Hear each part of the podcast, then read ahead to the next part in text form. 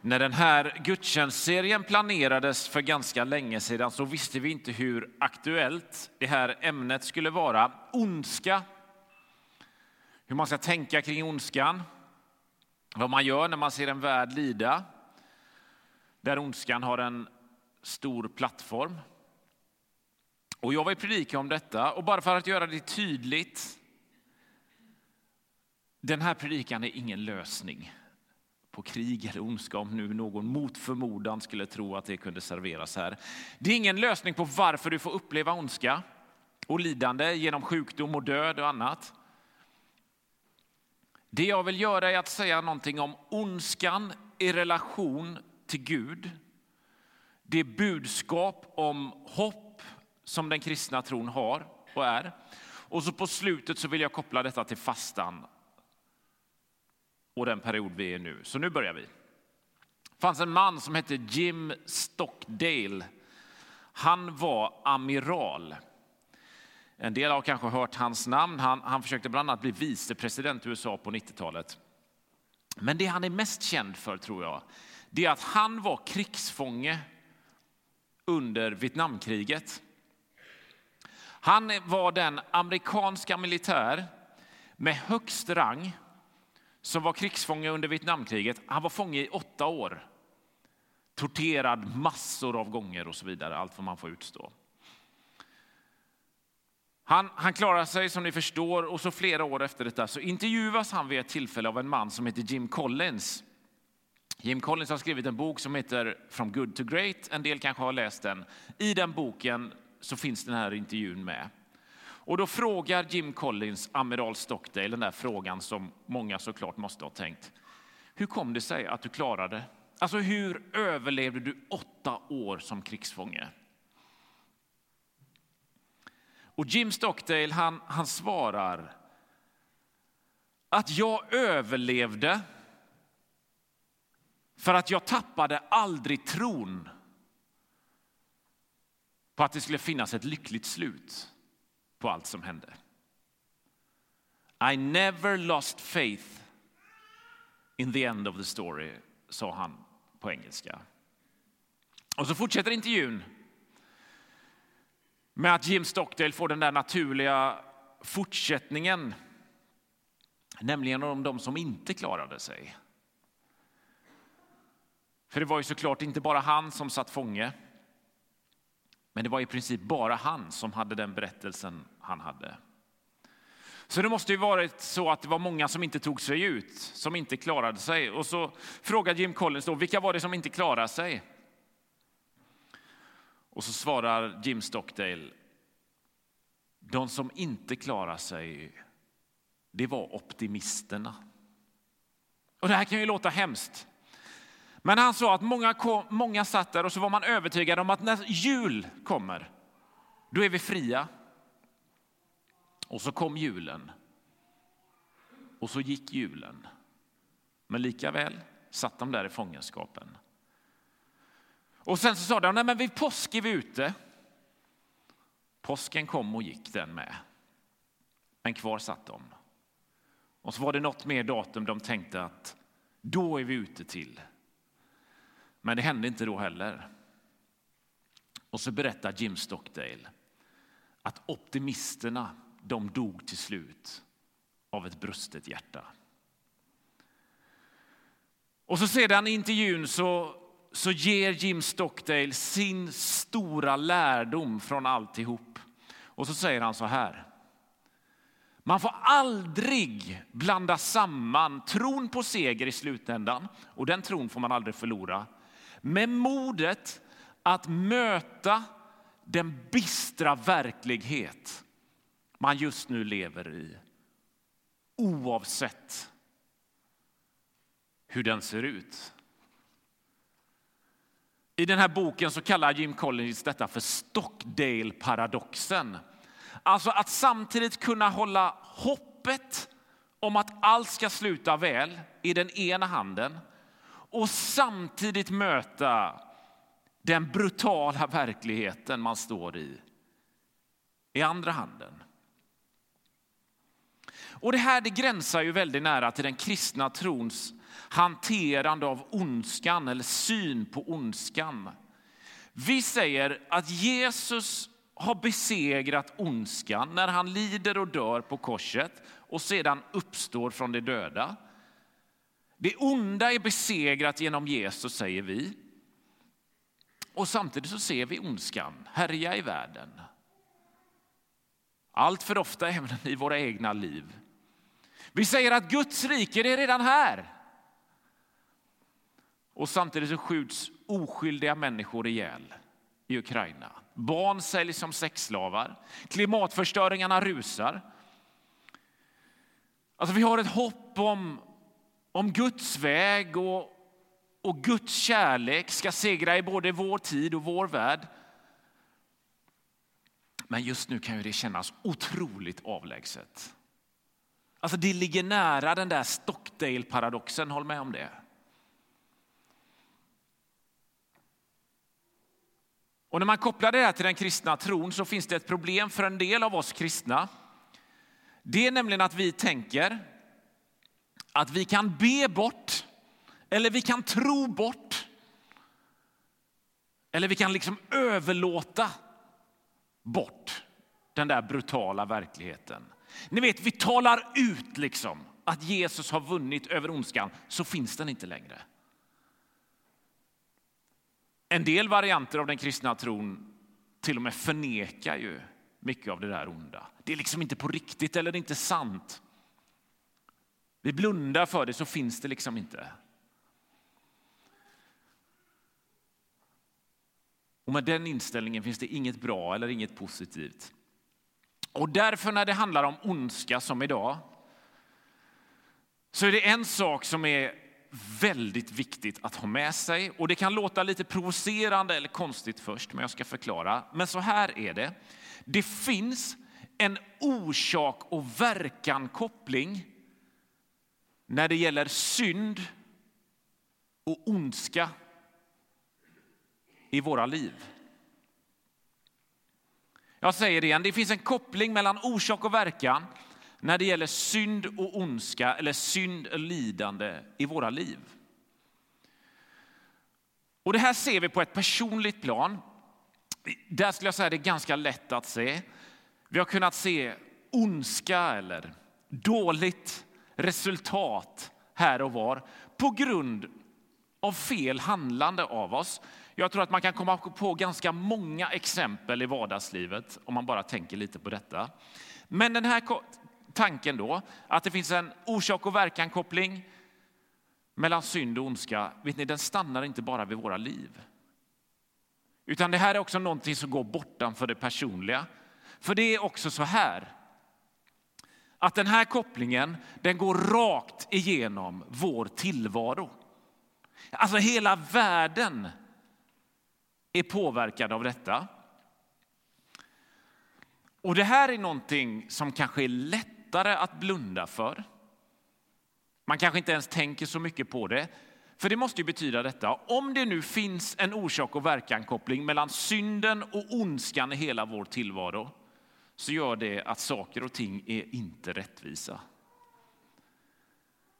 Det gör till och med att livet är extremt orättvist. Men sanningen är den, när synden kom in i världen, när synden gjorde entré i mänsklighetens tillvaro, då följde ondskan med, hack i häl. När synden liksom klev in i vår värld så höll den samtidigt dörren öppen för lidande, för död och annat ont som snabbt blev en del av vår tillvaro. Och Jesus han såg också så här på tillvaron. Vet ni, han om någon han lyckades liksom hålla hoppet för mänskligheten och framtiden i ena handen samtidigt som han såg och berättade att synden den drar fram i den här världen rör vid varje människa, i princip allt som vi tar oss för. Vet ni, Jesus han valde inte bara det ena eller han blundade inte för det andra. Utan han talade om hoppet i en god Gud och samtidigt så fick han själv smaka på den mest brutala ondska som kan tänkas. Ett exempel på detta, hur Jesus ser på detta, det är från Johannes evangeliet. Jesus och lärjungarna de är ute och rör sig och så stöter de på en blind man. Och då ställer lärjungarna den här frågan till Jesus. Rabbi, vem har syndat? Är det han själv eller hans föräldrar? Eftersom han föddes blind. Alltså, hur är det med orsak och verkan här kring synd och blindhet? Hur hänger det här ihop rent praktiskt Jesus? Berätta nu, vems handlingar är anledningen till att mannen är blind? Det är som att lärjungarna tänker att bra saker, det händer bra människor. Dåliga saker, det händer syndare, de som har gjort fel. Dåliga människor. Alltså de fattar inte det här att, att, att den här kopplingen mellan synden och ondskan, det är i själva verket en liksom universell fråga. Den går igenom hela vår verklighet. Alltså de gör det alldeles för enkelt för sig. Så Jesus svarar, ni har fel, ni är snett ute. Så här säger Jesus.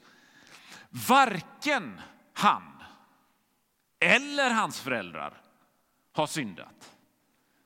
Alltså han menar inte att de liksom aldrig har gjort några fel eller att de aldrig har missat Guds plan eller tanke för deras liv. Men vad Jesus menar, det är varken mannen själv eller hans föräldrar som är ansvariga för att hans ögon inte fungerar. Det är liksom inte någon av dem som är anledningen till att mannen får lida och kämpa med sin blindhet. Men lika fullt är det så att den yttersta anledningen till den här mannens blindhet det ligger i att synden en dag äntrade den här världen. Och när den gjorde det så följde det en hel del onda, dåliga och jobbiga konsekvenser med det. Men glöm liksom den där karmatanken som lärjungarna håller på med. Här handlar det inte om att som man bäddar får man ligga. Det finns en annan berättelse som, som handlar om liknande saker. Det var det som Ines läste förut. Jesus är i ett hus, ett stort gäng är och lyssnar på honom och så kommer fyra personer bärande på en lam man. Hur mycket de än försöker så lyckas de inte ta sig fram till Jesus. Så de klättrar upp på taket, gräver sig ner genom takpannor och reglar och innertak och allt vad det är. Och så firar de ner den här lame mannen framför Jesus. Och när han har landat där så säger Jesus så här. Mitt barn, dina synder är förlåtna. Man kan ju lätt tänka att när mannen på båren får höra det så måste han ha tänkt hmm, var inte riktigt det jag landade här för. Eller killarna på taket måste ju undrat vad är det frågan om? För det var liksom inte för syndernas förlåtelse som de just har förstört någon annans tak. Det var ju för att Jesus skulle göra mannen frisk. Så varför säger Jesus som han gör? Jo, för han vill peka på det faktum att det finns ett samband mellan synd och lidande eller synd och ondska. Och jag säger det igen, inte personlig synd, inte dåliga handlingar i mannens liv, men i en universell mening så finns det en sådan koppling. När de religiösa ledarna hör vad Jesus säger så blir de tokiga på honom. De hävdar liksom att han hädar. Alltså så säger man ju bara inte. Vad är det för anspråk kan gör? Alltså han sätter ju sig på Guds plats genom att säga som han gör. Men Jesus ler, tänker jag. För det här var ju hela poängen. Och så ställer han en fråga till dem. Han säger så här. Vilket är lättast? Att säga till den lame, dina synder är förlåtna. Eller säga, stig upp, ta din bädd och gå. Men ändå så menar inte Jesus det ena eller det andra. Utan han vill visa på att de här två delarna hänger ihop. Inte mannens syndiga livshistoria och faktumet att han ligger på båren. Där finns liksom ingen koppling. Men att synden är närvarande i den här världen och själva grundanledningen till att han ligger där han ligger. Så Jesus fortsätter så här. Men för att ni ska veta att Människosonen har makt att förlåta synder här på jorden säger jag dig, och nu talar han till den lame, stig upp, ta din bädd och gå hem. Alltså jag vill att ni ska veta att Människosonen, jag, Gud i mänsklig kropp, har auktoriteten och makten att upphäva det universella avtryck av ondska, lidande och sjukdom och död som synden har lämnat i vår värld. Jag vill att ni vet vem det är ni har att göra med. Okej, okay, men hur stryker du under det? Jesus, hur förtydligar du liksom din makt att förlåta synder och, och alla konsekvenser som kommer av synden? Alltså inte mannens personliga synd, utan liksom synden vi ser härja i vårt liv och i hela vår värld. Jo, såklart genom att upphäva syndens effekter. Och därför säger han, stig upp, ta din bädd och gå hem. Och alla som såg detta var i full beundran. För vad såg de hända framför sig just? Jo, framför allt så var de i beundran, i beundran för de insåg att han som står där, han är mäktigare än syndens universella påverkan på vår värld.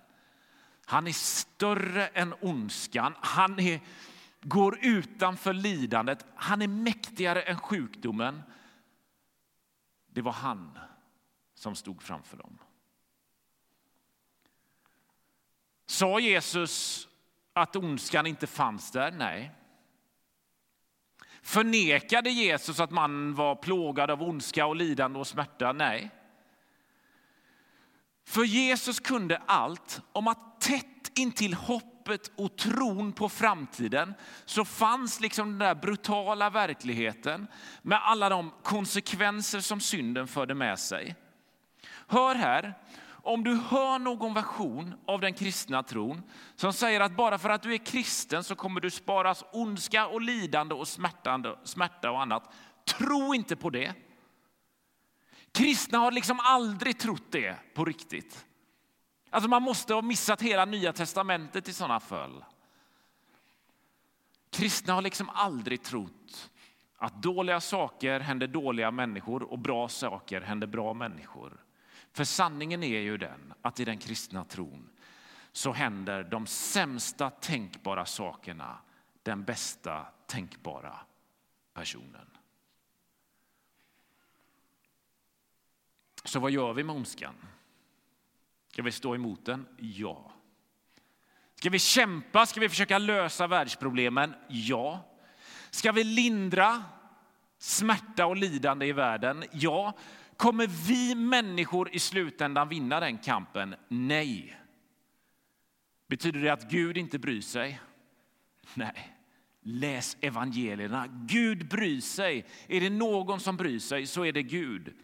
Men ondskan vi ser, den vi upplever, den vi springer på i våra liv och i vår värld är inte slutet på berättelsen. Det finns hopp. Men vårt hopp ligger liksom inte i att lösa syndens universella påverkan för vår värld, utan vårt hopp ligger i honom som kom, för att ta sig an vår världs stora problem. Och det problemet är inte sjukdomar, det är inte orättvisor, det är inte smärta, utan vår tids stora problem är synden. Och den hårda verkligheten i den kristna tron, det är att det finns ett samband mellan synden i världen och ondskan i världen. Det får man aldrig glömma. Paulus han sätter ord på allt detta i Romarbrevet. Så här står det.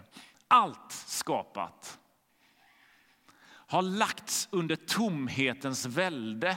Inte av egen vilja, utan på grund av honom som vållade det. Alltså allt, varenda djurart, allt som växer, haven, luften, människorna får känna på konsekvenserna, effekten av att allting är vidrört av synden. Eller att allt är lagt under tomhetens välde som Paulus väljer att säga det. Inte av egen vilja. Det är liksom inte det skapade i sig själv som har gjort massa dåligt och syndigt, utan att synden har en gång kommit in i vår värld. Och så refererar Paulus till den första människan Adam som var högst delaktig där. Ni ser, i den här handen, tomhetens välde, allt skapat finns där. Men så fortsätter Paulus. Men med hopp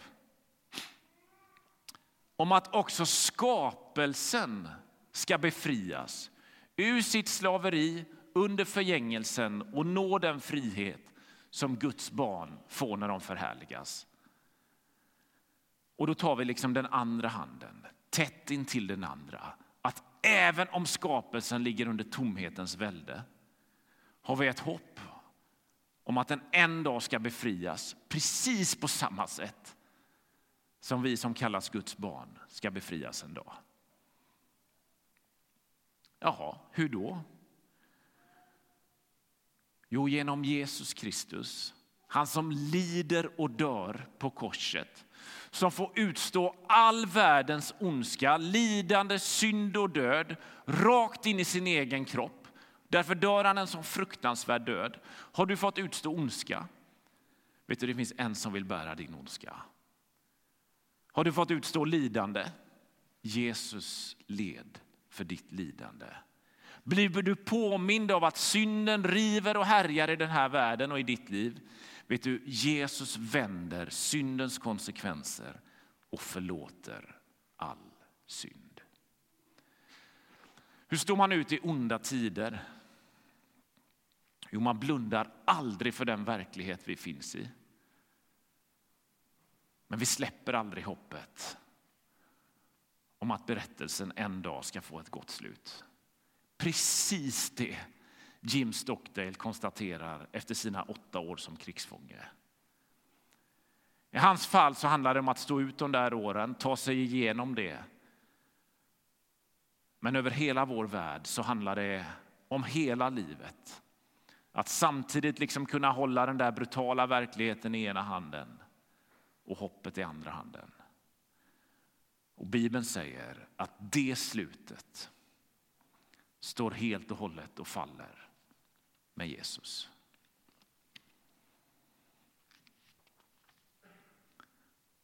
En sista tanke var om det här med ondskan och vad man gör med den. Paulus skriver så här i Efesierbrevet. Det är inte mot varelser av kött och blod vi har att kämpa utan mot härskarna, mot makterna, mot herrarna över denna mörkrets värld mot ondskans andekrafter i himlarymderna.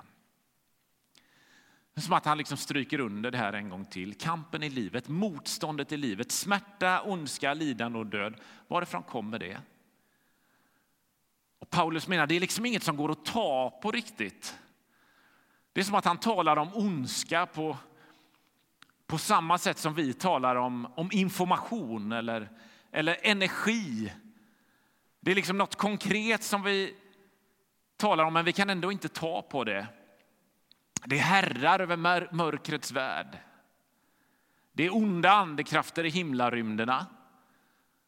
Och skriver han i verserna som kommer sen att man ska ta på sig den kristna trons rustning. Och han talar om att man ska göra det genom att, om att finnas i sanningen, om att, om att handla rättfärdigt och så vidare. Och när han räknat upp de här olika sakerna som den där rustningen utgör så säger han så här. Gör det under åkallan och bön. Be i er ande varje stund. Därför ska ni hålla er vakna och aldrig tröttna i er bön. Kampen mot ondskan är någonting som görs under åkallan och bön. Man ska be i sin ande varje stund, säger Paulus man ska aldrig tröttna i bönen. Vad är det vi säger igen och igen och igen under fastan? Jo, vänd dig bort från något. Vänd dig till Gud. Välj bort en sak, välj istället Gud. Gör det i bön. Be, be, be, säger Paulus. Det är så vi kämpar mot ondskan. För när vi vänder oss till Jesus i bön så är vi liksom med honom som kan vända på en av syndens stora konsekvenser, ondskans intåg i vår värld. Och så låter han oss istället veta att det finns hopp nu och det finns hopp sen.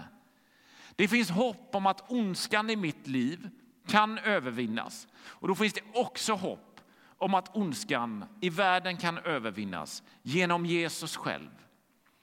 För två veckor sedan så handlade det om frestelser och prövningar. Och svaret på hur man vet vad som är vad och vad man gör med dem, det var bön. Förra veckan var det om det här när tron mest är en kamp. Vad gör man då? Ja, men svaret var att man ber. Idag handlar det om kampen mot ondskan och svaret är även idag bön. Det är som att fastans söndagar igen och igen och igen hamnar in i oss i att bönen den är så väsentlig, den är så central. Vi kommer liksom inte ifrån det. Det är i och genom bönen. Vi kan närma oss och ta oss igenom de här tunga ämnena. Det finns hopp och det hoppet finns hos Jesus. Och honom lär du känna i och genom bönen. Så nu ber vi tillsammans. Herre Jesus, vi vet inte riktigt hur vi ska säga, vad vi ska göra om allt det här med ondska, ondskans påverkan. Hur ondskan påverkar våra liv, men kanske ännu mer vad den gör i världen. Nu när vi ser det så konkret, så nära oss. Men Herre, vi vet att det finns en koppling mellan syndens intåg i den här världen och ondskan i den här världen. Och vi vet att du är den som kan förlåta synden, som till och med har lidit och dött för synden. Och därför tror vi också att kampen mot ondskan är framför din kamp.